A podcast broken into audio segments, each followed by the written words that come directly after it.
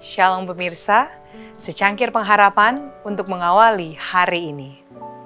Kita dijadikan soko guru dalam bait suci Allah.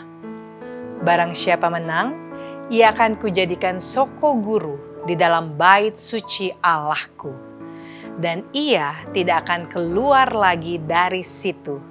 Dan padanya akan kutuliskan nama Allahku, nama kota Allahku, yaitu Yerusalem baru yang turun dari surga, dari Allahku dan namaku yang baru. Wahyu 3 ayat 12. Satu-satunya harapan bagi siapa saja ada melalui Yesus Kristus. Jubah bersih dan suci tidaklah disediakan untuk dikenakan oleh siapa saja setelah ia masuk pintu gerbang kota itu semua orang yang masuk akan memakai jubah kebenaran Kristus, dan nama Allah akan ada pada dahinya. Nama itu adalah lambang yang dilihat oleh rasul itu dalam hayal, dan berarti pikiran yang berserah pada penurutan yang cerdas dan setia kepada semua hukum Allah.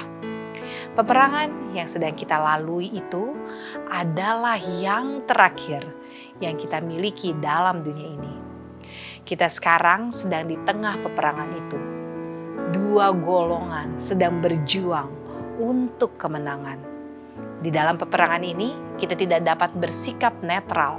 Kita harus berdiri, apakah pada satu pihak atau di pihak yang lain jikalau kita mengambil posisi kita pada pihak Kristus, jika kita mengakui Dia di hadapan dunia, baik dalam perkataan maupun dalam pekerjaan, maka kita sedang membawa kesaksian hidup tentang kepada siapakah kita telah dipilih untuk berbakti dan menghormati.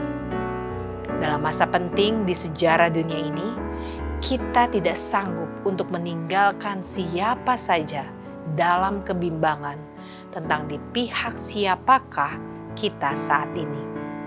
Agar memperoleh kemenangan atas segala serangan musuh, kita harus berpaut pada satu kuasa dari luar dan yang melampaui diri kita sendiri.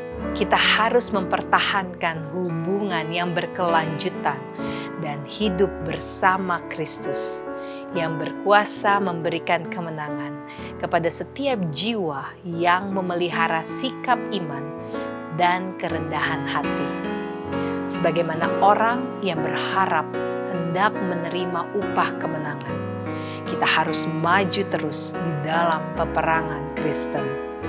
Meskipun setiap kemajuan kita menghadapi perlawanan, sebagai pemenang, kita harus memerintah bersama Kristus dalam pengadilan surga, dan kita harus menang oleh perantaraan darah Anak Domba itu dan oleh perkataan kesaksian kita.